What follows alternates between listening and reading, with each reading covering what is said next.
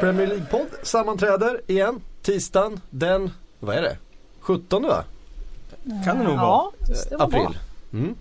Jag hade namnsdag igår, det var ingen som uppmärksammade överhuvudtaget. 16 april, Patrik-dagen. Shoutout till alla Patriks där ute. Vi hade namnsdag igår.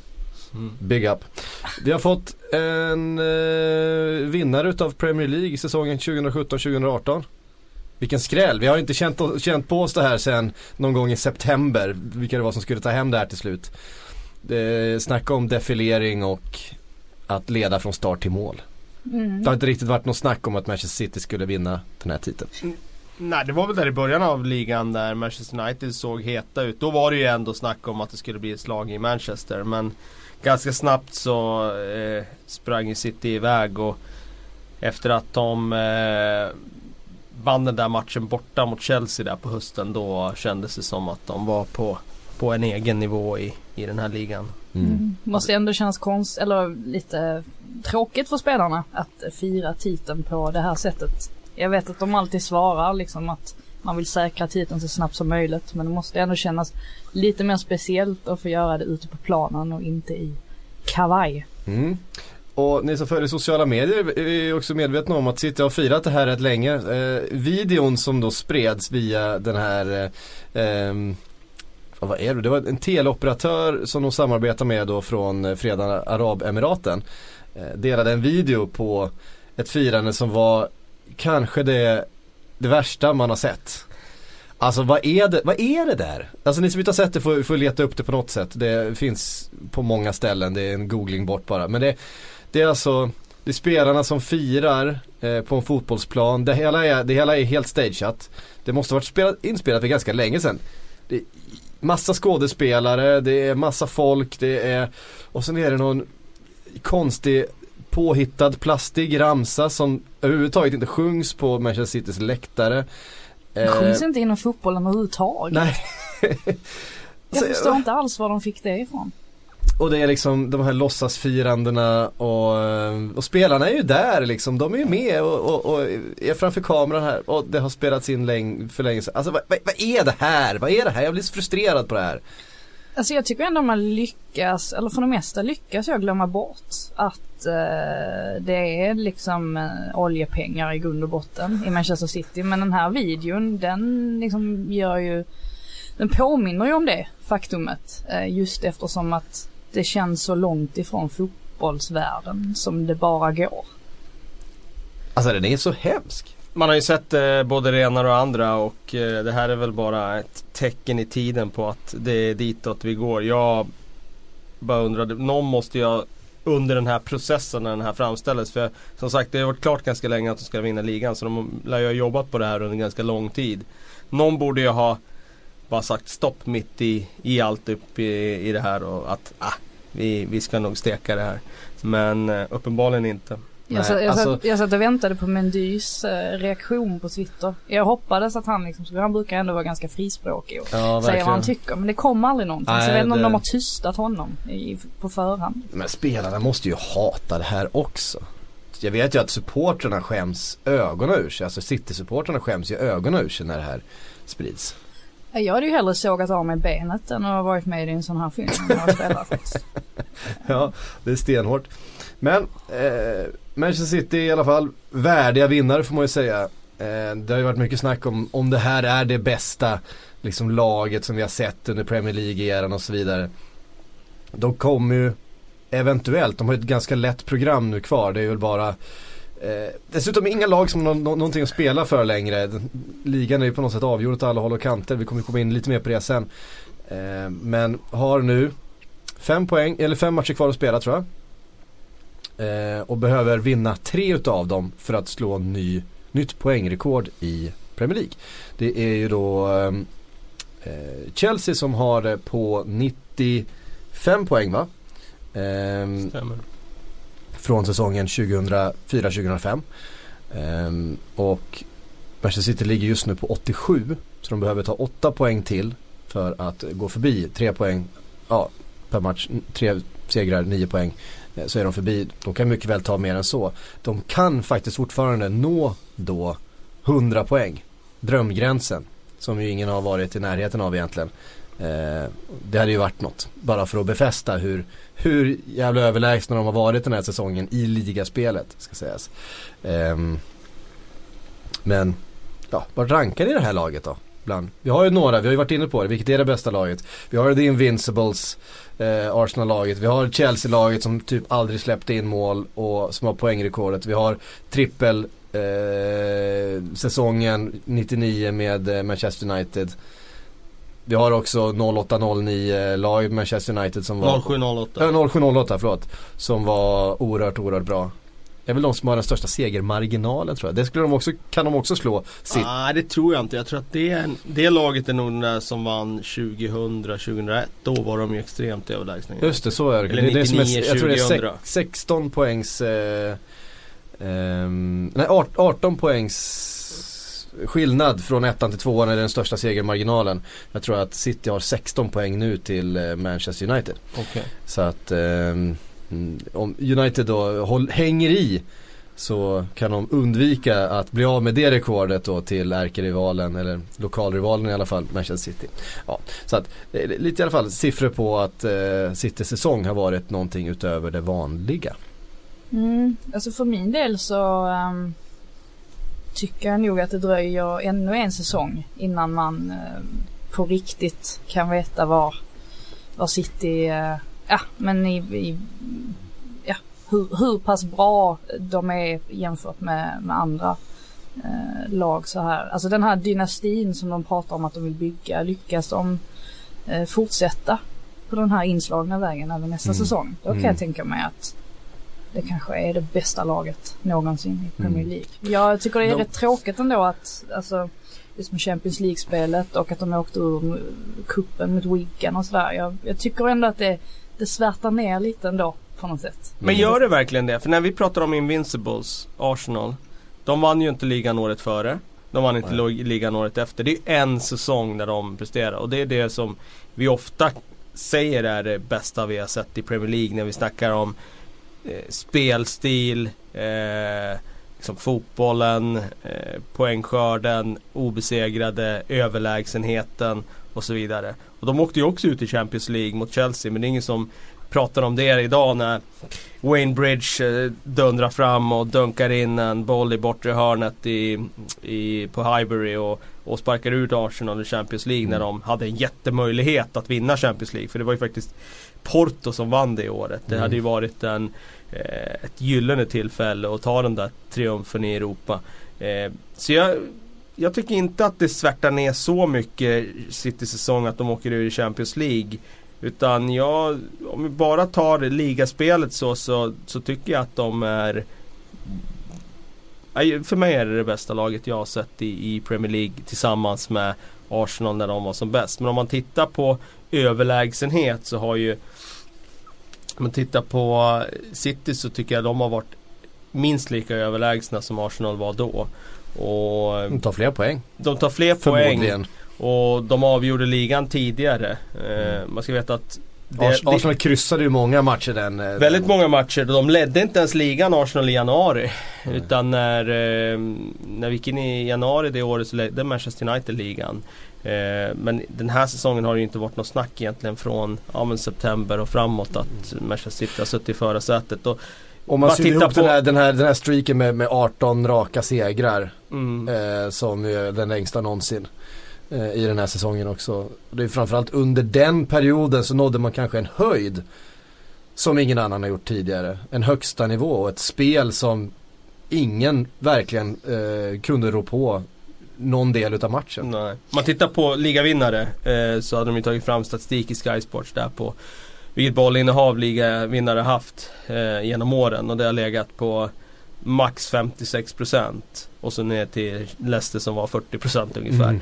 Eh, som var en one-off. Men ja, som mest 56% och City är uppe på 72% eh, det här året. Och det, det säger någonting om, visst fotbollen har förändrats, det har den gjort och det är en stor del i det hela. Men också hur de har eh, lyckats faktiskt förändra synsättet på hur man kan vinna en liga. Mm. Ja, alltså för mig har de ju också varit, herregud, man har suttit här och, och hyllat dem eh, vecka in och vecka ut i princip. Eh, och jag menar under hösten tyckte jag de kändes totalt allsmäktiga. Eh, sen tycker jag att man har sett att de har kommit ner lite grann på jorden emellan, emellanåt den senaste tiden. Eh, och tittar man framåt då till nästa säsong så kommer ju motståndarna vara mer beredda på vad, eh, vad de ställs mot. Vilket får mig att tro att de kommer vara betydligt mer sårbara nästa säsong jämfört med, eh, med hur det har sett ut, ja, särskilt då under hösten. Så att det blir som ett extra test för dem om de klarar av att behålla den här, ja men ta 18 segrar i rad igen. Det tycker jag ska bli intressant att se. Ja, eh, och man gör det ju ändå, även att man inte säkrade titeln mot eh, Tottenham så gör man ändå på ett imponerande sätt den här helgen. Efter en väldigt tung vecka, vi var inne på det eh, i förra podden hur eh, Pep hade kanske sin tyngsta vecka sen han kom till Manchester City. Eh, hade man förlorat den här matchen mot Spurs så hade det alltså varit den sämsta resultatmässigt sedd perioden på 12 år för Manchester City. Så man går ifrån att ha den bästa säsongen kanske i Premier Leagues historia till att klubben har sin sämsta period på 12 år i, under samma säsong. Nu hittade man ju eh, tempot igen, man hittade spelet borta mot eh, Spurs på Wembley. Eh, och City såg ju framförallt i första halvleken sådär, ah, alltså oslagbara ut som de gjort under perioder. Och anfallen och spelet och målen som de gör det är ju ja, det är oemotståndligt faktiskt. Ja verkligen. Eh, det var en påminnelse om att eh, de inte har eh, liksom glömt bort hur, hur den där fotbollen ska spelas utan det, de kan skriva upp den dit och vi ska inte glömma bort heller de här förlusterna de hade så har vi faktiskt spelat en del bra fotboll i de matcherna också. Bara det mm. att de har slarvat bort det. Inte minst i derbyt mot Manchester United. Men eh, åka dit till till Wembley spela på det sättet de gjorde. Mot formstarka Spurs som ju inte har förlorat på jättelänge liksom. Städa undan Tottenham på det sättet. Det är bara att, eh, ja, det är bara att inse att eh, det, det, det är så värdiga mästare det kan bli. Mm. Mm. Eh, på något sätt också eh, det blir ju, det blir, det var ju, det är synd på ett sätt att de inte får fira segern utan att titeln sen eh, blir eh, dagen efter när Manchester United förlorar chockförlust mot avsågade superjumbon West Brom som liksom inte har varken något att spela för egentligen eller eller någonting annat, någon som kan spela fotboll känns det som i det där laget. Eh, men åker dit och, och, och vinner inte speciellt Alltså inte övertygande på något sätt men det var en, en bedrövlig föreställning. Men det kan vi, alltså det finns en konspira, en, en, eh, en, kon, vad heter man? en konspirationsteoretiker i mig som säger att ah, Mourinho, han, han gläds nog lite åt att City inte fick fira det här med en seger utan de får, de får titeln nu. så dagen efter. När de inte står på en fotbollsplan. Jag tror mer på Moore-effekten. I West Bromwich. Eller, eller Pardew out-effekten. Ja. bara, kanske, bara att han försvann liksom. Kan vara det också. um, Nej men det är ju frapperande tycker jag hur, hur Manchester United kan eh, falla ner på den nivån med de spelarna de har tillgång till. Och när jag såg matchen så blev jag bara ännu mer övertygad om att de behöver göra ett tränarbyte. Eh, visst, de kanske slutar till slut tvåa i ligan. Det är möjligt att de gör det. Det gör de väl förmodligen. Ja, vi får se. Förlorar de mot West Brom kan ju förlora vilken match som helst. Men eh, de kan sluta tvåa i ligan. Eh, de har ju såklart vunnit eh, ett antal titlar sett den senaste 12 månaders perioden. De skulle potentiellt kunna vinna FA-cupen. Eh, men trots de här titlarna så eh, för klubbens skull och för spelarnas skull så, så behöver de göra ett tränarbyte. Jag tror att eh, han kommer att vara kvar nästa säsong. Jag tror att i sommar så kommer de göra jättemisstaget att sälja Anthony Martial. För att eh, Mourinho får inte ut eh, hans potential. Han kommer blomstra i en annan klubb. Och han kommer läggas till till listan med Kevin De Bruyne och Mohamed Salah på listan på spelare i framtiden som Mourinho har slarvat bort. Mm. Eh, alltså nu vet jag att det aldrig kommer hända, jag menar det är, det, är, det är United och Liverpool och så vidare. Men jag menar alltså, jag hade ju tagit eh, Martial till Liverpool vilken dag som helst. Han hade kunnat konkurrera med Mané på, till vänster i den där fronttrion och, och, eh, och bli en världsspelare. Ja, det är bara att titta vilka klubbar som är intresserade av honom. Bayern München, Juventus, det är lag som är bättre än vad Manchester United är. Så eh, det säger väl någonting om att eh, det finns potential i den spelaren. Han är fortfarande väldigt ung. Eh, för mig så är det waste of talent att, uh, att han spelar under Mourinho med den defensiva filosofin, tyvärr. Mm. Mm. Det gynnar ju inte heller United uh, att spela på det här sättet om man nu vill lycka, locka andra spelare till, till klubben uh, i sommar. det är väl klart att får en spelar sig eh, Dybala chansen att välja mellan eh, City och United så känns det väl mer troligt att man väljer City eh, baserat på ja, men hur de spelar och vad det finns för ambitioner. Det är väl klart att, att fotboll går ut på att plocka poäng och det har ju United gjort också. Men eh, sen har det ju inte sett, det har ju inte sett övertygande ut speciellt många gånger. Nej det kan man ju, ja alltså i perioder, alltså det Oj!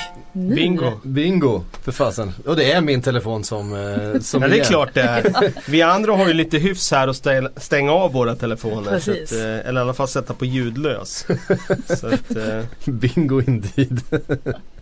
Eh, jag går dessutom helt av mig eh, i vad jag ska säga. Ja, det var kanske lite hårt mm. att säga att de inte har sett övertygande ut. Nu, nu jämför ja, alltså, jag ju med... Att de, de, de gör en väldigt, väldigt bra ja. halvlek eh, mot Manchester City för bara en vecka sedan. Och Pogba visar vilken spelare han är och sådär. Men... Jag tycker väl snarare att man har sett det för lite den här mm. säsongen. Så kan man kanske uttrycka det. Alltså det är väl lite det här med, med eh, jag vet att Gary Neville var inne på det i förrgår också i sin analys av matchen. Det här med att vissa spelare, det är inte harmoniskt att vissa spelare går ut och de kan spela på en helt annan nivå än vad de gör. Men någonstans så reflekterar väl det tillbaks till Mourinho. Om inte spelarna kommer upp i nivå eh, varje vecka utan, utan går runt och, och är omotiverade i, i, i, långa stunder och sen när det väl är dags och när man väl känner en inspiration och man har något att spela för, ja men då kan man komma upp och spela på en helt annan eh, nivå, en kvalitet eh, plötsligt. Jag vet inte. Jag tyckte rapporterna från, eh, från derbyt kring det här vad som sades i halvtid i omklädningsrummet mm. i United eh, pekade lite på att det inte hänger sådär jättemycket på Mourinho egentligen. Eh, för så som det verkade så var det ju spelarna mer som bestämde sig för att nu går vi ut i andra halvlek och ger allt. Eh, att det inte var riktigt Mourinho som eh, var något taktiskt geni på så sätt. Mer än att, ja, Pogba kommer fram lite mer i, i planen i andra halvleken. Men det var kanske på hans eget initiativ, vad, vad vet jag. Men det, det visar ju lite att, eh, att han kanske inte är så viktig för eh, United som lag. Mm. Eh, nu pratar vi ändå om laget som eh, förmodligen skulle jag säga kommer komma tvåa i ligan och som ska spela fa Cup-final mot, eh, mot Spurs med inte allt för länge. Så att, semifinal. semifinal, förlåt. Eh, så att det är inte det är inte så att det har varit en dålig säsong för Manchester United. Men det kommer i alla fall ställas i paritet mot vad, vad grannen gör. Och de har ju investerat ungefär lika mycket pengar. Och de har eh, den högsta lönebudgeten i ligan. Och det är klart att då förväntar man sig att de ska eh, kunna konkurrera på, på samma sätt. Och det har de ju inte gjort på eh, liksom tillnärmelsevis. Men sen är det ju också det där att om man tittar på den fotbollen som Liverpool spelar så är det underhållande att se Liverpool spela. Medans jag tror att publiken på Old Trafford, fansen runt om i världen känner att eh, vi, vi har lagt så här mycket pengar på spelare men eh, vi har inte fått mer än så här. Några hade ju lagt pengar på biljetter till matchen mot West Brom också. Mm.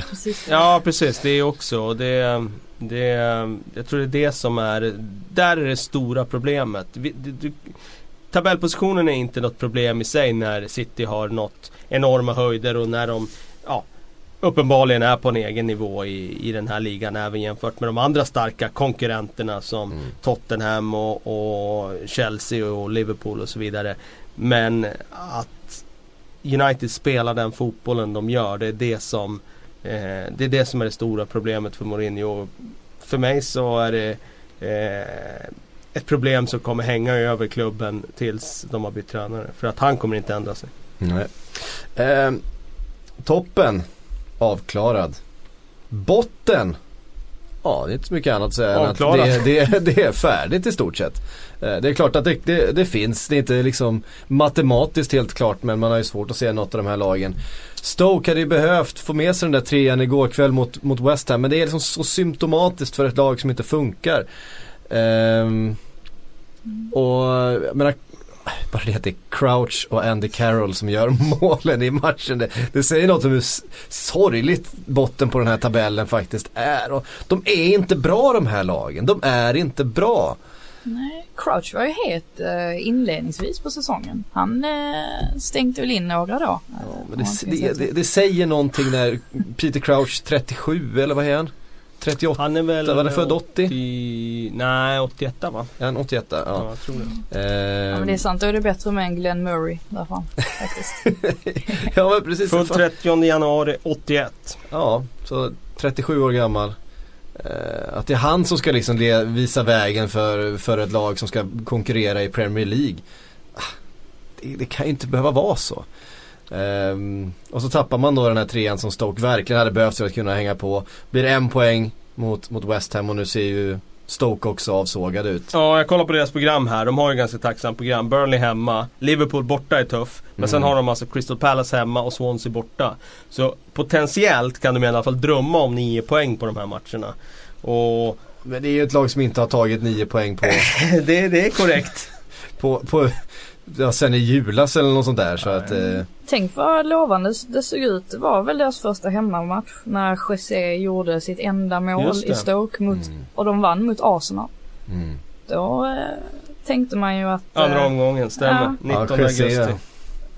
Tänkte man ju att, ja men det där ser ju kul ut. Mm. Det blev inte så roligt. Och det hade ju kunnat vara ännu värre för dem för att eh, nu fick Swansea bara med sig kryss då från eh, hemmamatchen mot Everton. Um, de, det var ett ganska sent mål så de räddade den poängen ändå för, för Swansea va?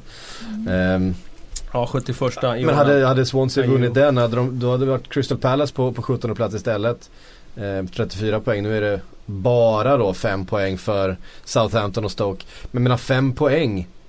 Det här är ju två lag som liksom de behöver ju en halv säsong på sig för att ta fem poäng känns det som. Ja, dessutom har ju Swansea en match mer kvar att spela. Dock har de tuffa matcher nu. City borta, Chelsea ja. hemma, Bournemouth borta. Southampton hemma. Den är tacksam för Swansea näst sista omgången.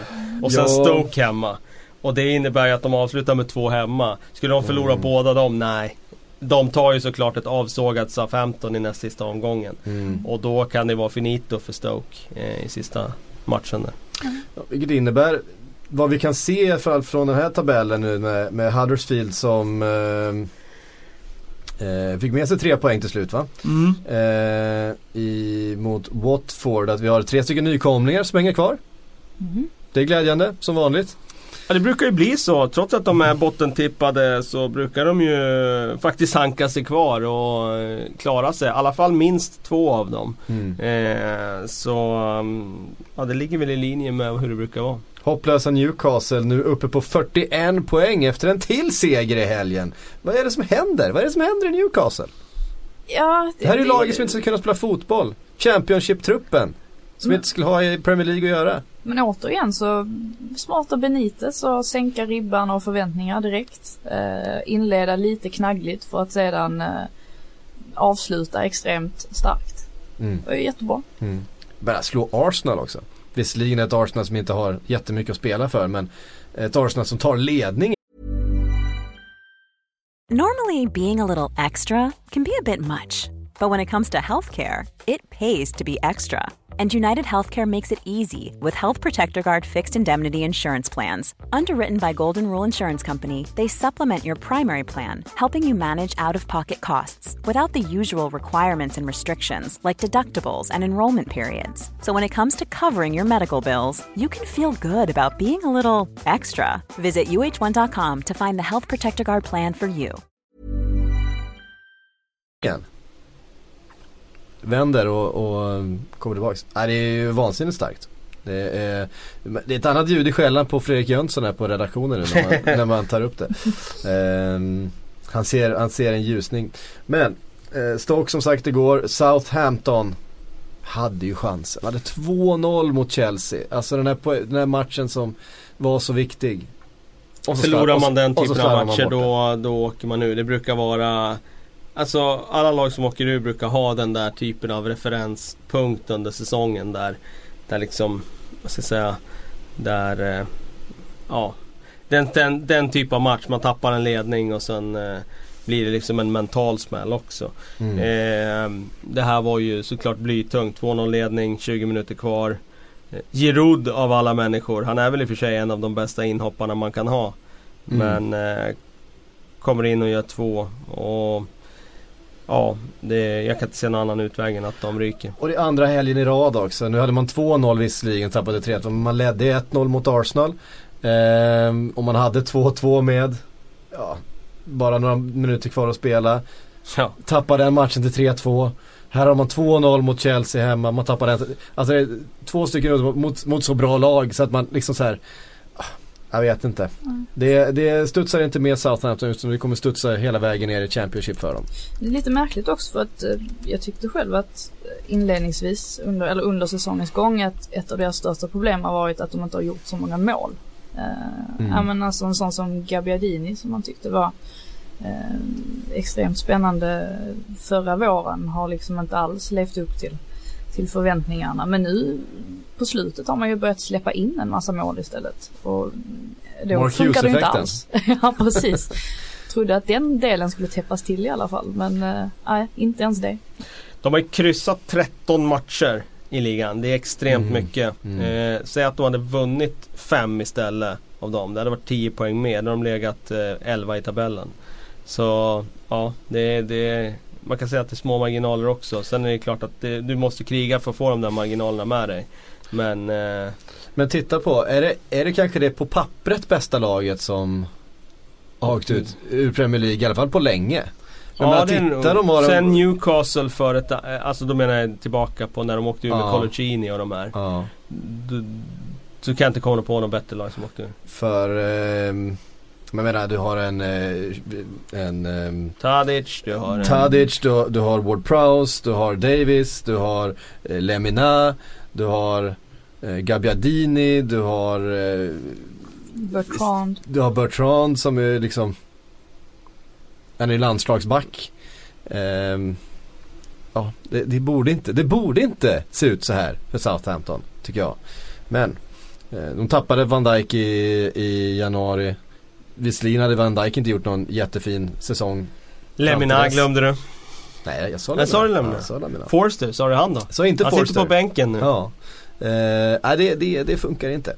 Sen är det så här att har man då blivit brandskattat säsong efter säsong efter säsong som, som Southampton har blivit och tappat alla sina bästa spelare. Fått bygga om, fått bygga nytt mittfält, fått bygga nytt försvar, fått bygga nytt anfall. Så många gånger så förr eller senare så, så trillar ju hjulen av. Det, det är ju ja. bara så. Jag kan inte komma ifrån det där ändå att de sparkade Puel för att de inte var nöjda med, med den placeringen. Var kom de ens förra säsongen? Åtta tror jag.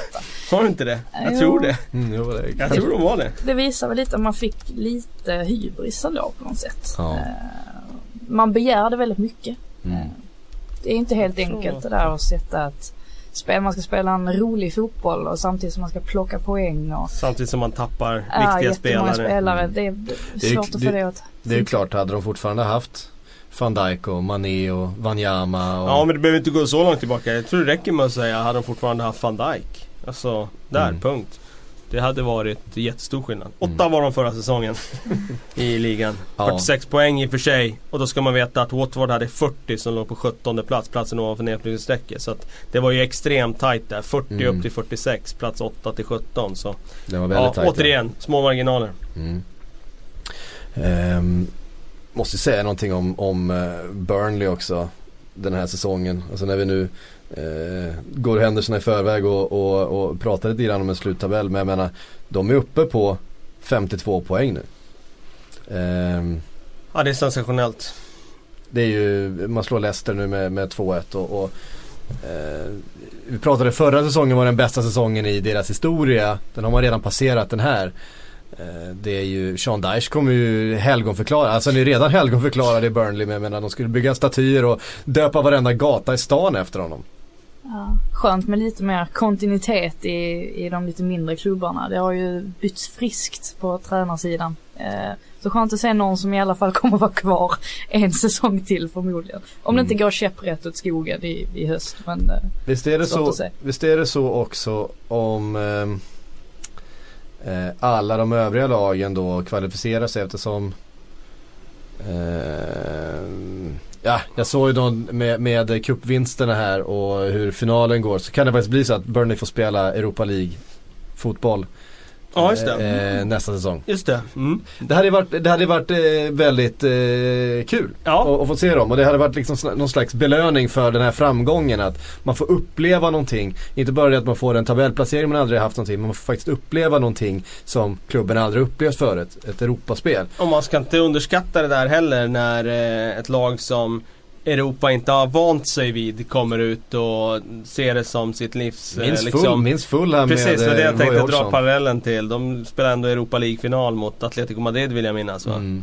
Eh, under Hodgson och alltså det ska bli eh, det ska ju vara superhäftigt att se Burnley göra en resa i Europa. Vad fan kan Östersund ta sig till något Ja men det är det jag menar. Alltså den typen av fotboll. Det är klart det kommer bli svårt att komma till Turf Moor för... Eh, Det är svårt för, alla laget. att komma till Turf Ja. Slut. Eh, Så är det ju. Det är ett nej, jävla, jävla hårt gäng som han har eh, dratt ihop där, eh, Daesh. Och det är ju någonting med att just hans profil också. Att han som vi hackar mycket på brittiska tränare. Men det är ju också, han är ju som väldigt, han är ju ingen nytänkare liksom. Utan han är ju verkligen en, en format, ett old school. Det finns någon som fort, fortfarande kan få lite effekt på det med ett, ett svagt material. Alltså just det som den här typen av fotboll är bra på. Göra lag svårspelade, jobbiga att möta. Eh, man driver upp tempot eller man sänker tempot och man täpper till. Och man, alltså allt det där som som engelsk fotboll på något sätt eh, Var har en varit, gång i va- tiden. varit kännetecknat för är det som, som Burnley fortfarande står för. Det är det enklaste att sätta på plats i ett lag. Det är ingen Ja. tvekan om det. Eh, och det, det tycker jag också är en intressant grej att gå tillbaka tio år så hade Sean Dyche varit eh, aktuell för Arsenal med de här resultaten. Mm. Men det kommer han inte vara. Nej, Nej. Det, det, det är liksom ändå fotbollsvärlden lärt sig nu att det går inte att ta David Moyes från Everton till Manchester United för att det är en annan typ av uppdrag. Det krävs andra typer av eh, liksom, kvaliteter. Mm. Och jag tror att eh, han kan absolut få ett lag med större status än Burnley. Mm. Men han kommer inte att eh, kliva upp i, i kategorin som får någon av lagen liksom som eh, Jag tror inte ens Everton eh, Att han kan få en lag på den nivån. Burnley nu två poäng bakom Arsenal. mm. Ja. Tänk Två- om man hade sagt, sagt det inför poäng. säsongen att Burnley kommer vara två poäng efter Arsenal framme i andra halvan av april. Ja. Mm. Med, med, fem trott att matcher, man- med fem matcher kvar. Ja, då hade man trott att man var galen alltså. Ja. Hade man fått det tipset så hade mitt tips sett betydligt bättre ut i alla fall. Kan jag, kan jag ju säga. Ja, vi tittade lite på våra säsongstips här med tanke på att toppen och botten verkar ganska satt. Och, eh, Jag har fortfarande förhoppning om att jag ska pricka in eh, eh, min topp 6. Eh, alltså alla sex positioner. Mm, Men då måste det bli lite förflyttningar där. För jag tror att det City 1, Tottenham 2, United 3, Liverpool 4, Chelsea 5, Arsenal 6. ja, så det, att det- det, det finns Det är fortfarande ett bra chans. tips alltså. Finns Eh, fortfarande chans. Dock ska vi inte prata om resten av tabellen för där hade jag ju saker som inte var på rätt plats. Burnley till exempel hade jag Nej. ju i botten ja. av tabellen. Eh, bottenträsket. Men eh, eh, just toppen eh, kan jag f- ha lite hopp om att pricka helt rätt på. Jag tror nästan den jag har mest fel på är eh, Newcastle som jag stoppade näst sist. Ehm, och det var i, i skrivande stund då inte ett speciellt kontroversiellt Nej. ehm, kontroversiell förutspåelse. Det var de flesta som var rätt överens om att, att Newcastle inte hade lag för, för Premier League. Ja. Ja, Jag satte faktiskt de bästa av nykomlingarna. Mm. Jag vet Det var snyggt. ja, men det jag tror det är mycket, det är mycket Benites som det grundas på. Så är det ju. Det är mycket Benitez som gör att de, att de ligger där de ligger faktiskt. Eh, vart hade du Liverpool? Ja men sluta. Ja, det var, det var en missräkning. Men om ni, om ni minns tillbaks till i somras så kändes det lite osäkert ändå i Liverpool, i truppen. Det var ju Coutinho-affären och ingen, ingen ny mittback in vem skulle kunna förutspå att Mohamed Salah skulle segla upp och bli någon sorts jagad av Real Madrid och, och Att han skulle gå bra, det, det såg man ju framför sig. Men inte att han skulle bli gud på det här Nej. sättet. Det tror jag inte någon såg framför sig. Nej, att han skulle utmana liksom alla tiders målrekord liksom Ja. i, i eh, Nej, det var svårt att se. Det var ju i hela den här Coutinho-härvan som man tänkte att oj, nu börjar det liksom skaka lite i bygget. Men man såg ju hur mycket van Dijk påverkade Southampton. Jag tror det gjorde det ändå. Att han ville bort därifrån och ville, skulle bråka och så vidare. Och Coutinho var ju lite likadant. Men, men till skillnad från Southampton så påverkade ju knappt Liverpool någonting. Nej det är, det är inte många som, som tänker på Coutinho när de eh, ser. Liverpool som eh, slog eh, Bournemouth 3-0. Inte mycket att säga om i helgen. Nej, de... eh, De var ett bet- bättre lag. Ja, de har ju den där förmågan att eh, städa undan lag eh, på ett ganska enkelt sätt. Och inte ens mot den där typen av motstånd saknar man ju Coutinho längre. Nej. Vilket säger en hel del om deras eh, ja, utveckling. Mm. Mål nummer 30 för Salah. Och då har han Med huvudet den här gången. med huvudet den här gången. Han har gjort ett par, Perfekt ett par, avvägd lobbnick. Ja. Ja, Ganska fin boll också av Trent.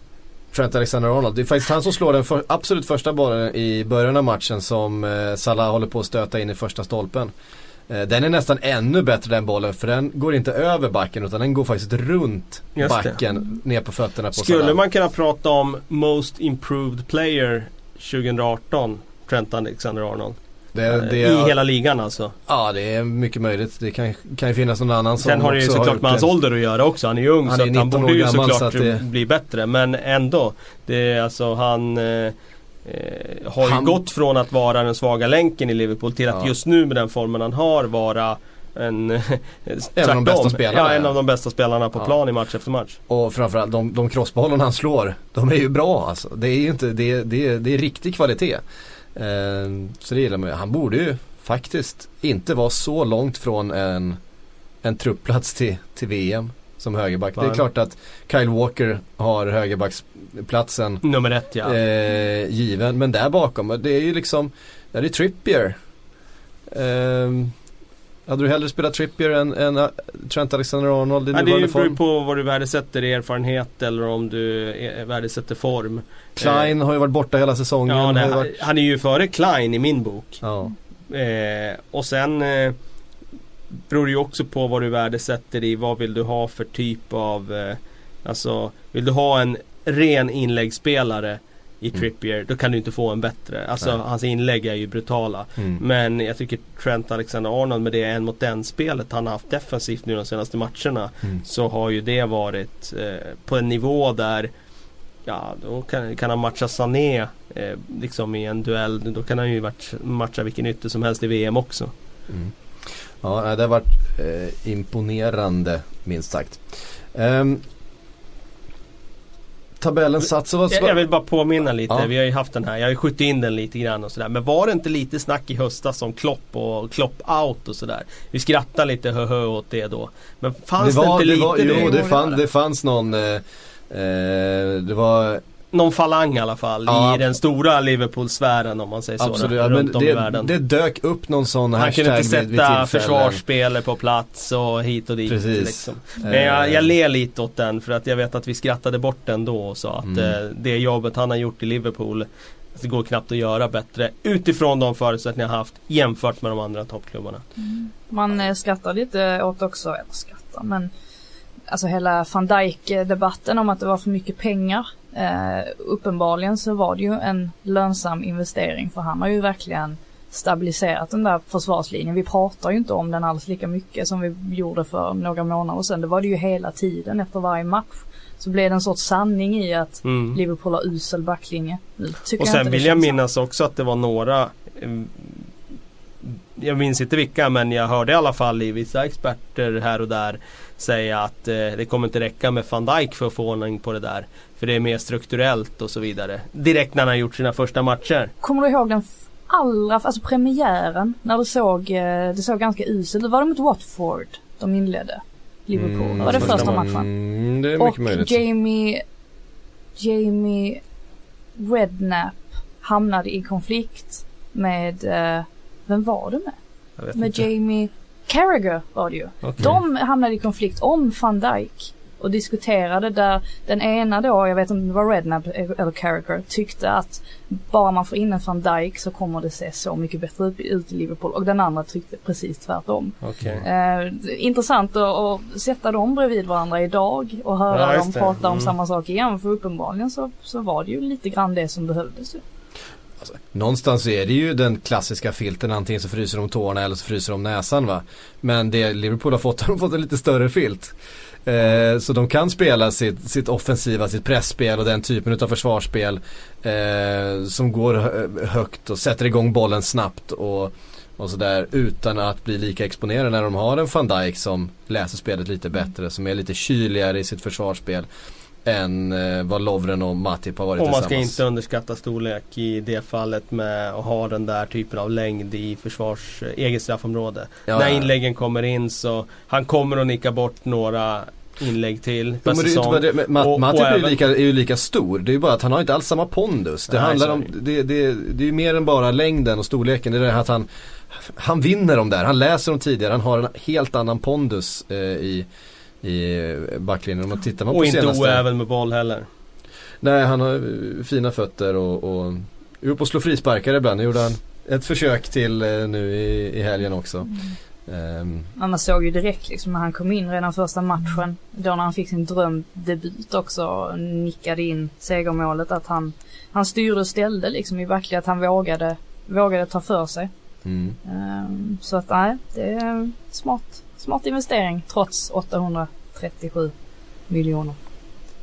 Ja, nu när då eh, vi kanske ska säga någonting mer. Vi, vi såg Southampton, de tappade den matchen också men eh, cred till, till Chelsea som eh, ehm, faktiskt kom tillbaks och spelade ett helt annat spel i, efter halva eh, i, i, i den matchen. Det var inte bara Southampton som slarvade bort den, det kanske var lite orättvisa. Det är, det är också någonting, man kommer tillbaks från 0-2, vänder till 3-2 kanske man ska ha en liten hyllning också, inte bara såga den som, den, den som förlorar matchen. Jag hyllar ju Giroud i och för sig. Gjorde jag. Ja, jo, absolut. Han är bra Giroud alltså. Ja, han ska ju hoppa in. Då Ja. är han som bäst. Ja så är det ju. Plan B är ju hans grej. Ja, det har ju varit ganska länge i Arsenal också. Det borde han väl vara för Frankrike i VM också, tycker ni inte det? Ja, det brukar ju vara tvärtom där. Ja, där har han ju brukar han startat, ju eh, gå in från start ja. Mm. Så att eh, han lär ju vara involverad på ett eller annat sätt. Frankrike. Vi har eh, fått mästare i Premier League, vi har också fått mästare i Championship. Klara för Premier League-spel nästa säsong. Ja, jag råkade dra på en eh, repris där av Schalke Dortmund. Jag ville bara se om den funkar. Men den funkar så att den ska vi ta här efter podden. Fokus nu för fan Kalle, fokus. Schalke Dortmund 2-0 i helgen. Ja förlåt. Va, vad sa du? För det? Wolverhampton, Ja, klara för Premier League. ja trevligt. Klara vinnare utav, eh, utav Championship. Det var inget dåligt eh, mål Ruben Neves gjorde där. eh. Nej, det är bra är det. Det var rätt skönt för det flyttade ju fokus från den här dumma grejen i Champions League. Helt plötsligt så började alla prata om Ruben Neves istället. Var det- så? Ja men jag, jag gjorde det i alla fall. Det har ju, har ju känts lite sådär att Ruben Neves överhuvudtaget spelar Championship-fotboll. Men han går från att vara en av eh, portugisiska ligan absolut bästa spelare. Eh, superlovande, helt rätt ålder. Han skulle ju ta det här klivet nu. Det var ju många topp 6-klubbar eh, i England som var ute efter honom. Det var andra storklubbar i Europa. Helt plötsligt dyker han upp i Wolves. Och så förstår man varför med eh, Mendes och hans kopplingar till den klubben och de kinesiska pengarna. Och sen så får det på något sätt en lite bitter eftersmak. Det är klart att det är skithäftigt att se en, en bra spelare spela fotboll och vara nu blir han väl inte player of the year ändå i, eh, i Championship för det blir väl eh, Ryan Sessegnon tror jag. Mm. Eh, men, men han har ju liksom under hela säsongen varit för bra för ligan. Eh, man undrar hur han känner också. Ska han vara kvar en säsong? Nu går de visserligen upp i Premier League och han får spela Premier League-fotboll. Ja, men varför jag skulle menar, han inte vara kvar då? ehm, Jag menar han får ju spela, han får en viktig roll, han går upp i Premier League. Han är fortfarande bara 97 mm. eh, Det kommer han för sig vara resten av sitt liv, 97 Men han är fortfarande bara 21 år. Eh, och han... Eh, eh, får ju ett väldigt bra fönster om han vill ta nästa steg Ja. sen. Och han har ju tiden då för sig men. Mm. Jag vet inte om jag håller med om det där heller med hela den här Jorge Mendes eh, Du gillar debatten. Jorge Mendes? Eh, Eh, Ja men alltså gillar kan man ju, det är ju, man är inte naiv. Eh, det är väl klart man förstår att Mendes har eh, eh, att han tjänar extremt mycket cash på hela sitt nätverk som han Mm. sysslar med, hela det här systemet. Men när man lyssnar på de spelare som har jobbat med honom under väldigt lång tid och sådär så, så det säger ju ändå de flesta att han oftast värnar om att spelarna ska, ja men de, de sätter upp, eh, den första han ställer Första frågan han ställer till nya klienter är men vad, vad vill du nå? Hur, vilken klubb vill du spela för? Och så säger de kanske, ja men Real Madrid. Ja men okej, då gör, gör han upp en plan för hur den här spelaren ska nå Real Madrid så småningom. Och om det innebär en vända i Wolverhampton då i Championship. Vad spelar det för roll egentligen? Om det nu kommer leda till att man hamnar där i, i slutändan ändå. Jag, jag, vet jag håller inte med om att det kanske är varför, varför måste man till, eh, till en toppklubb direkt? Eh, kolla på en sån som eh, André Gomes till exempel i Barcelona som eh, inte får spela så mycket eller inte har fått spela så mycket under säsongen. Ja men då skulle han kanske ha gått till en annan klubb istället. Det är ju svårt Skulle att han veta gå till Wolves istället? Ja men alltså Ruben Neves har ju ändå haft en framträdande roll. Alla pratar om honom Verkligen. efter den här säsongen. Så att hans aktier måste, alltså, har ju förstärkts. Mm. Till skillnad från André Gomes då kanske som inte har fått visa upp sig. Så att ja, en parentes. En parentes. Eh, absolut, i Champions ser vi då, ja, Wolves klara. Det blir en häftig nykomling som kommer upp nästa år i alla fall. Det kan vi konstatera. Det Ja, kommer tror mycket inte- intresse över sommaren för det. Det kommer vara spännande inför seriestarten. Det är inte många som kommer tippa dem som, eh, som strykgäng. Nej, det är svårt att tro. Fast frågan är ju hur många spelare som kommer, hur, alltså när man tittar på truppen idag, det är så många spelare som är inlånade också. Om Mm. de här lånen kommer förlängas. Typ en Diego Jota tror jag också har förstärkt eh, sina aktier till Atletic och kommer han vara utlånad till Jo men det finns för pengar att plocka in nya och sen nu går de upp och får ta del av tv-avtal och så vidare. Alltså Det lär inte saknas resurser till att plocka in nya spelare. Nej, Nej, och har du då en eh, Jorge Mendes som, Dessutom. som, som sköter allting eh, kring det, som kan förhandla med sig själv om spelare i stort sett. Eh, alltså, Mendes är inte den första eh, agenten som, som mer eller mindre kontrollerar en klubbs eh, Man får, ju inte, värvningar. man får ju inte göra det egentligen. Man får inte sitta på dubbla stolar. Men det är ju Men menar, lite ko, gråzon ko, det där. kolla hur eh, Raiola Eh, hans position i, eh, i, i Milan, kolla Mendes tidigare i, i Monaco, kolla eh, Alltså Raiola var ju, det var ju nästan att han var på, sam, på den eh, positionen i Manchester United ett tag när helt plötsligt alla Raiola-spelare dök upp där och alla fick bra dealer och det var liksom Ja, och man ska ju vara noga med att lyfta fram att även för Mendes har det ju inte alltid gått bra. Som exempelvis Valencia är ju ett väldigt tydligt exempel. Besiktas, där var ju ekonomin körd i botten i princip. Eh, när Mendes eh, liksom lämnade den där Mm. klubben. Så att det är väl klart att det finns exempel där det inte har gått vägen. Men eh, sen finns det ju uppenbarligen eh, goda exempel också och Wolverhampton är ju är den senaste i raden. Där finns inte en portugisisk klubb som inte vill samarbeta med Mendes till exempel. Det, det säger ju en del. Ja han har ju, han har ju Ganska bra krokar. hyfs- hyfs- hyfsade ingångar i portugisisk eh, och, bras- och sydamerikansk fotboll eh, överhuvudtaget. Både brasilianska och på andra håll. Och gamla Eh. DJen från Lissabons nattklubbar. Han har avancerat en del. Ja, det är DJs och pizzabagare. Det är, Precis. det är, de, det är de som styr fotbollen. De som Eh. kan snacka lär det väl vara. Hustlers skulle jag kalla dem. det, är inte, det är inte superrent mjöl i påsen hos någon utav dem. Det kan man vara rätt säker En, på. eh, Det är en jävla Det, skurkbransch. det är en uh, ful bransch ja. Eh, hörni, vi ska ta eh, frågor också. Jag har fått eh, många. Eh, Petter Lundgren undrar om safe stands och status på eh, Eh, den här infekterade frågan i England. Det har gjorts ganska mycket utredningar. Nu kom väl idrottsministern med ett uttalande om safe stands. Menade på att det är inget som vi kommer eh, eh, titta närmare på. Det är en högljudd minoritet som efterfrågar det här och det är ingenting som majoriteten alls vill ha. Eh, där tror jag idrottsministern har fel faktiskt i England. Det gjordes Eh, en undersökning bland Liverpool supportrar som har blivit väldigt Liverpool är ju någon slags remissinstans i den här frågan på grund av Hillsborough. För det var efter Hillsborough som eh, ståplatsläktarna förbjöds. Eh, vi vet att eh, de här efterlevarorganisationerna, eh, överlevarorganisationerna eh, och anhöriga eh, agerar väldigt mycket som, som remissinstans för den här frågan. Men Spirit of Shankly då som är eh, Eh, supporterorganisationen eller supporterunionen eh, för Liverpool supportrar gjorde en omröstning bland supportrarna. Det var en övervägande majoritet som var för att Safe Stand på något sätt skulle eh, i alla fall på prov införas på Anfield. Och de andra klubbarna jag tittar lite grann på hur Liverpool eh, agerar för att det är i den klubben som det är absolut mest eh, känsligt. Eh, där var supporterna i en, liksom en övertygande majoritet för. Det har ju införts på Celtic Park i, i Glasgow. Har de haft en sektion med safe standing då som är rik, liknande den som finns i Tyskland då med Det är inte rena ståläktare utan det är de här Eh, det finns sittplatser för alla, det är räcken som eh, ska förhindra att folk trillar, att folk kläms ihop och så vidare. Ehm, det är väl det vi har i Sverige också. Eh, gissar jag. Jag har inte varit på ståplats på, på en svensk läktare på, på kanske ja, ja, många år i alla fall. Det är för Ja, nej, det är inte min grej. Men ehm, så där är väl status. Sen har det ju gjorts ett, ett test då nere i League 2 där de här reglerna ser annorlunda ut. Eh, man har ju inte samma stadionkrav eh, när man kombinerar det först från League 1 som eh, kravet på att det ska vara 100% sittplatser träder i kraft.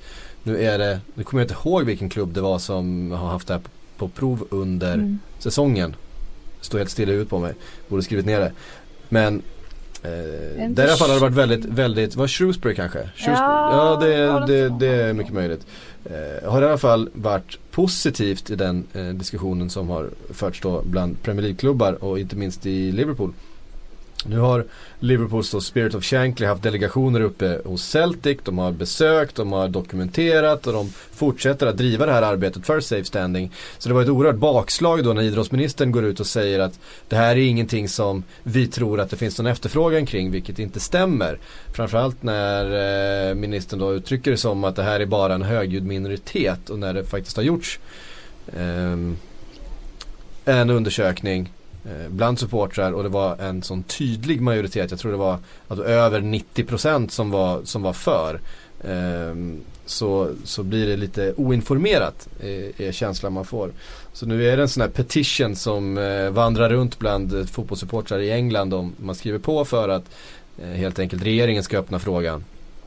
Och idrottsförbunden Eh, och FA i slutändan och är ju de som kommer fatta besluten. Så där fick ni en liten sammanfattning av hur läget ser ut just nu mm. eh, för safe standing. Eh, och det, jag tror att det är någonting som kommer hända. Som sagt, Celtic har infört det redan uppe i Skottland. Eh, de kommer vara, om några år så kommer man kunna se väldigt mycket slutsatser kring det här. På många sätt är det säkrare med den här typen utav ståplatsläktare för att folk står ändå, inte minst på bortasektioner. Har du bara stolar, det är ju ganska mycket fallolyckor eh, mm. de senaste åren på att folk snubblar över stolen framför och trillar ja, handlöst framåt helt enkelt. Det inte finns något, något räcke framför. Um, för på bortaplatserna och även i vissa fall på hemmaläktaren. Jag, men jag har stått på The Cop eh, och stått hela matcher. Eh, så är det ju. Även att i vissa fall blir man tillsagd att sitta ner men, menar i många fall så, och framförallt på bortaläktare, där står ju alla. Eh, det blir betydligt säkrare om det finns förutsättningar för det. Så, det var det. Anton Adamsson undrar, vilken klubb ser ni har störst chans att förbättra årets tabellplacering nästa år?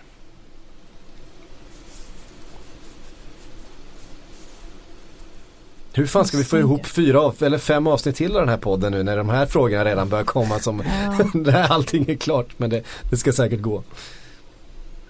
Det hänger ju väldigt mycket på vad som händer i, eh, i sommar ju för många klubbar. Mm. Det är klart att man tycker att Arsenal eh, Arsenal borde väl vara var det laget som har störst möjligheter att förbättra sin tabellplacering. Ja. Skulle jag säga. Eh, Chelsea hänger ju lite på vad som händer där med, ja men vad Abramovic först och främst har för ambitioner, vad man tar in för typ av tränare istället för Conte. Vi kan väl räkna med att han försvinner. Det kan vi nog göra. Um, Eh, Everton har ju en trupp som rimligtvis eh, borde ha presterat bättre än vad man har gjort den här säsongen. men ligger ändå på nionde plats. Jag har svårt att se dem att de skulle ta sig högre än sjua. Ja, det bara jag som... Det var, det var din chansning. Eh, nej men det är klart att ett lag som, som West Ham eh, som ligger på plats 14 nu skulle kunna ta sig upp på övre halvan. Ja. Eh, om David Moyes försvinner och man får in. Om David Moyes. jag tror att det är en, jag tror att det är. Om Alan Pardew kommer in och... Nej, kanske börjar inte Pardew men jag tror att en förutsättning för att man ska hamna på övre halvan är att David Moyes försvinner från West Ham. Det, det tycker jag faktiskt. Eh, och ett par spelarrekryteringar som, som faller rätt. Det finns ändå en stomme med hyfsade spelare i, i, i, eh, i truppen. Absolut tillräckligt bra för att ehm, Och sen är det ju faktiskt extremt jämnt. Det vet vi ju varje år. väldigt, väldigt jämnt. Från plats 9 till plats 17 är det ju extremt jämnt så Mm. får man bara till det, får man in eh, rätt tränare, någon pusselbit eh, spelarmässigt så kan det vara skillnad mellan plats 17 och 9 faktiskt. Mm. Nej men man, det jag tänker med, med Ham, de har ju faktiskt Känner jag en klubb som har en potential att ta 50 poäng på en, eh, på en säsong och, och, och placera sig på så här åttonde, sjunde, åttonde plats. Kanske då med lite tur och lite kuppspel göra en Burnley nu då för den här säsongen och, och, och ta en Europa League-plats då på att man tar den här sjunde platsen och övriga topp 6 redan är kvalificerade för Europa på andra sätt. Ehm, Mm. så att eh, det, det, det finns ju möjligheter. Ehm, sen får man väl se hur det blir då men också Swansea är ju ett lag som skulle kunna placera sig högre det tycker jag. Sen, ehm, Ja, Carvajal det är ju, det är ju, det är ju årets, årets tränare. Definitivt. ja han har inte riktigt, eh, det flöt inte på hela vägen för honom. Det gick ju oerhört bra i början där. Han fick ju verkligen en, nu har det väl gått lite Jag, trögare. jag tror att han är en dagslända. Du tror det? Mm. Ehm, Kan du mm. säga så? Han är rolig att lyssna på, Han är väldigt rolig. att inte minst. Dagslända med, med såklart eh, alltså att jag tror inte att de kommer blomstra nästa säsong på det Mm. sättet. Det kanske blir lite som med Clement. Man hade ju ändå... Det är det jag ser eh, fram, framför mig. Inte att han får sparken automatiskt men att eh, ja, det, den där energin som han ger under en vår den håller inte i sig. Mm. Hannes skriver, eh, Conte lämnar, Hazard säljs till Real Madrid och podden blir ny tränartrio för Chelsea. Vad sätter ni för långsiktig spelplan och hur spenderar ni de 200 miljoner pund Abramovic ger er till spelarköp? Oj, där behöver man ju fundera på. Ja. Det behövs, det behövs en central mittfältare som, eh, Definitivt. som Eh, kan flankera Kanté. Ja, Ehm, för att det, Bakayoko funkar inte, Fabregas eh, orkar inte längre, han ser, för, han ser trött ut. Uh, Danny Drinkwater är inte tillräckligt bra. nej. Så där måste de in en klass, klassspelare. Ja. Lägg, lägg, Batanero från Sundsvall hade varit eh, intressant. lägg 100 miljoner på Tony Kroos. Eh, ja, Kroos eh, hade nog eh, varit intressant rent eh, liksom bredvid Kanté i en sån roll, ja. Mm. Eh, sen behöver de ju en riktigt, riktigt bra winger igen. Mm.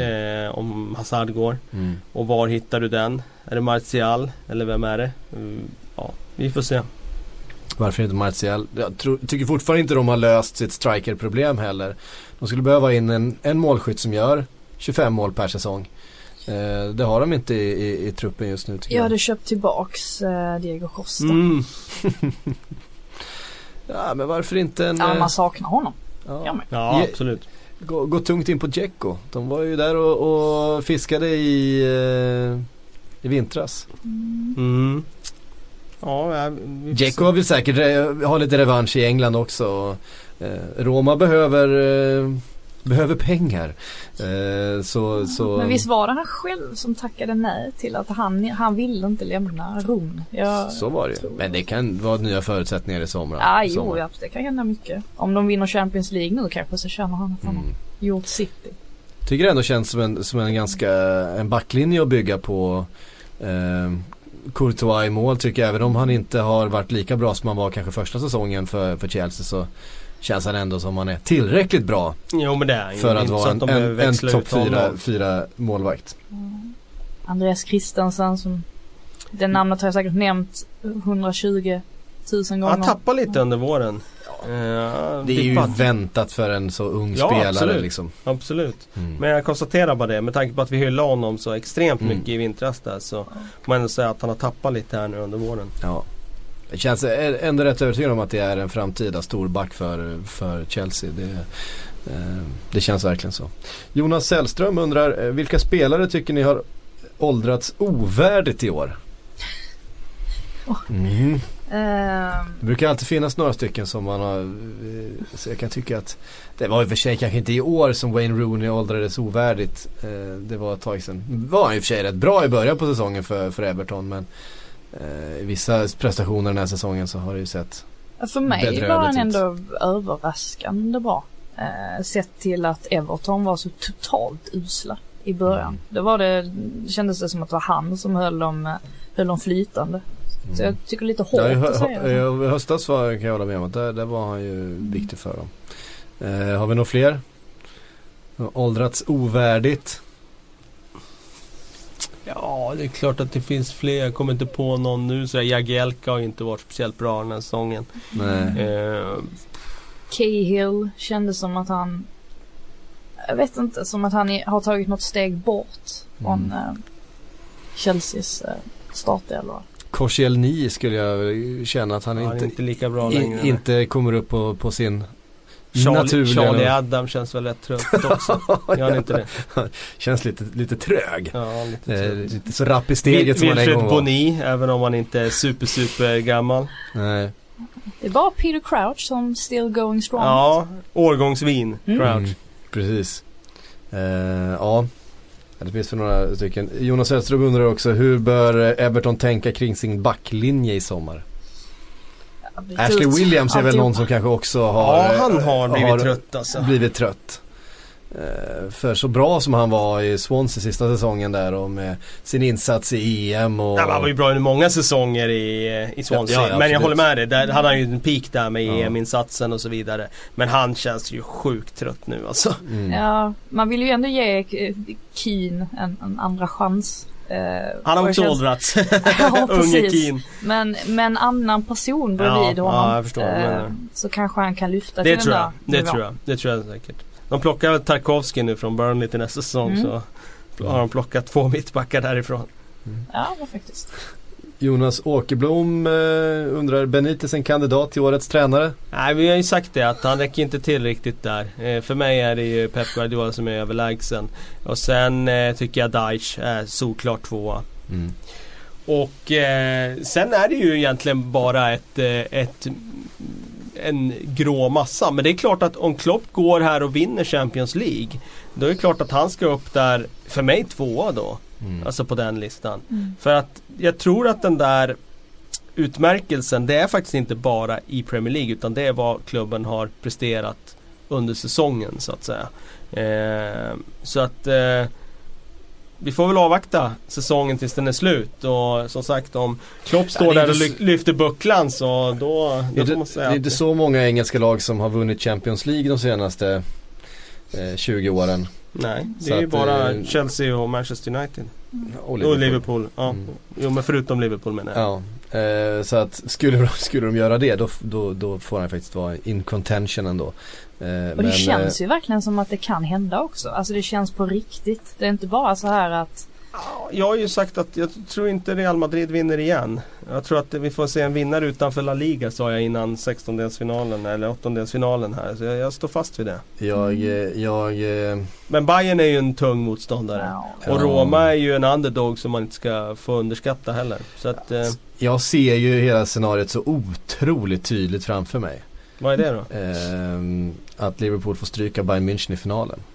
Det byggs upp, Klopp får inte sin revansch mot Bayern München för Bayern München är så jävla vidrigt bra på att vinna saker. Men de har ju inte heller vunnit Champions League så många gånger de senaste tio åren. Nej det har de inte gjort. Nej, men, men, men den gången de gjorde det då var det mot Jürgen Klopps Dortmund Ja, som på korrekt. ett liknande sätt som Liverpool eh, liksom blåste Men fram om vi inte en... ska se glaset som halvtomt här då. Vänd på det. Klopp besegrar Bayern München i finalen. Vad vore inte det för story? Ja, Det hade varit en story men det är inte så det kommer bli. Nej, okej. Vem är det som, Eh, är det Chamez då som avgör i Kiev eller vem är det du ser framför dig? Alltså det är väl säkert den där jävla Thomas Müller. Den där jävla- det är det väl, men är det inte det? det är klart det. Ja, Eh. det är det. I hear you. Eller är förstås Lewandowski. Såklart. Ja. Som lämnade Dortmund. Ja, precis. Och eh, Och Hummels assisterar. ja precis. Ja det är så hemskt att tänka på. Fan. Jag blir, eh, jag blir, jag blir ledsen bara, jag blir ledsen bara. Vi är inte Men där är än psyk. Nej det är så, men så kommer det bli. Ehm, Liverpool vinner, slår ut Roma. Uh, Bayern München vinner med ganska så här tydliga 2-0 i finalen. Ja, nej, ni, ni hör ju. Ehm, Är det lunch snart eller? det är lunchstart, en fråga till. Jimmy Stråle undrar vilka situationer eller till och med mål i matchen mot eh, City kan FA i efterhand gå in och ge Spurs eller allra helst Kane en fördel i? Alltså, Skämtet som aldrig blir tråkigt. Men- Fast man blir möts- inte det ändå? Alltså Det jag har ju tröttnat på det där Kane-skämtet alltså.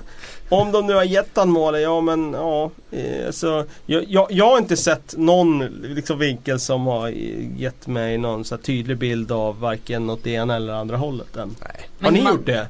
Har ni sett något där ni verkligen kan slå fast att ja, Nej. det är åt det ena eller andra hållet? Nej, Men jag tyckte man att njöt lite när det var, att det var Eriksson som gjorde Tottenhams mål eh, nu senast. Eh, då börjar man tänka, jaha, men vad hade han kunnat stå på för i antal mål liksom om, om han hade fått det där målet? Han hade seglat upp några placeringar där. Så, ja. Eh, nej men jag tycker också det har blivit lite, för grejen är vi vet ju inte riktigt bakgrunden till det här heller. Alltså handlar det verkligen, har man, har man slagit fast att det handlar om skytteligaledningen eller är det någonting annat?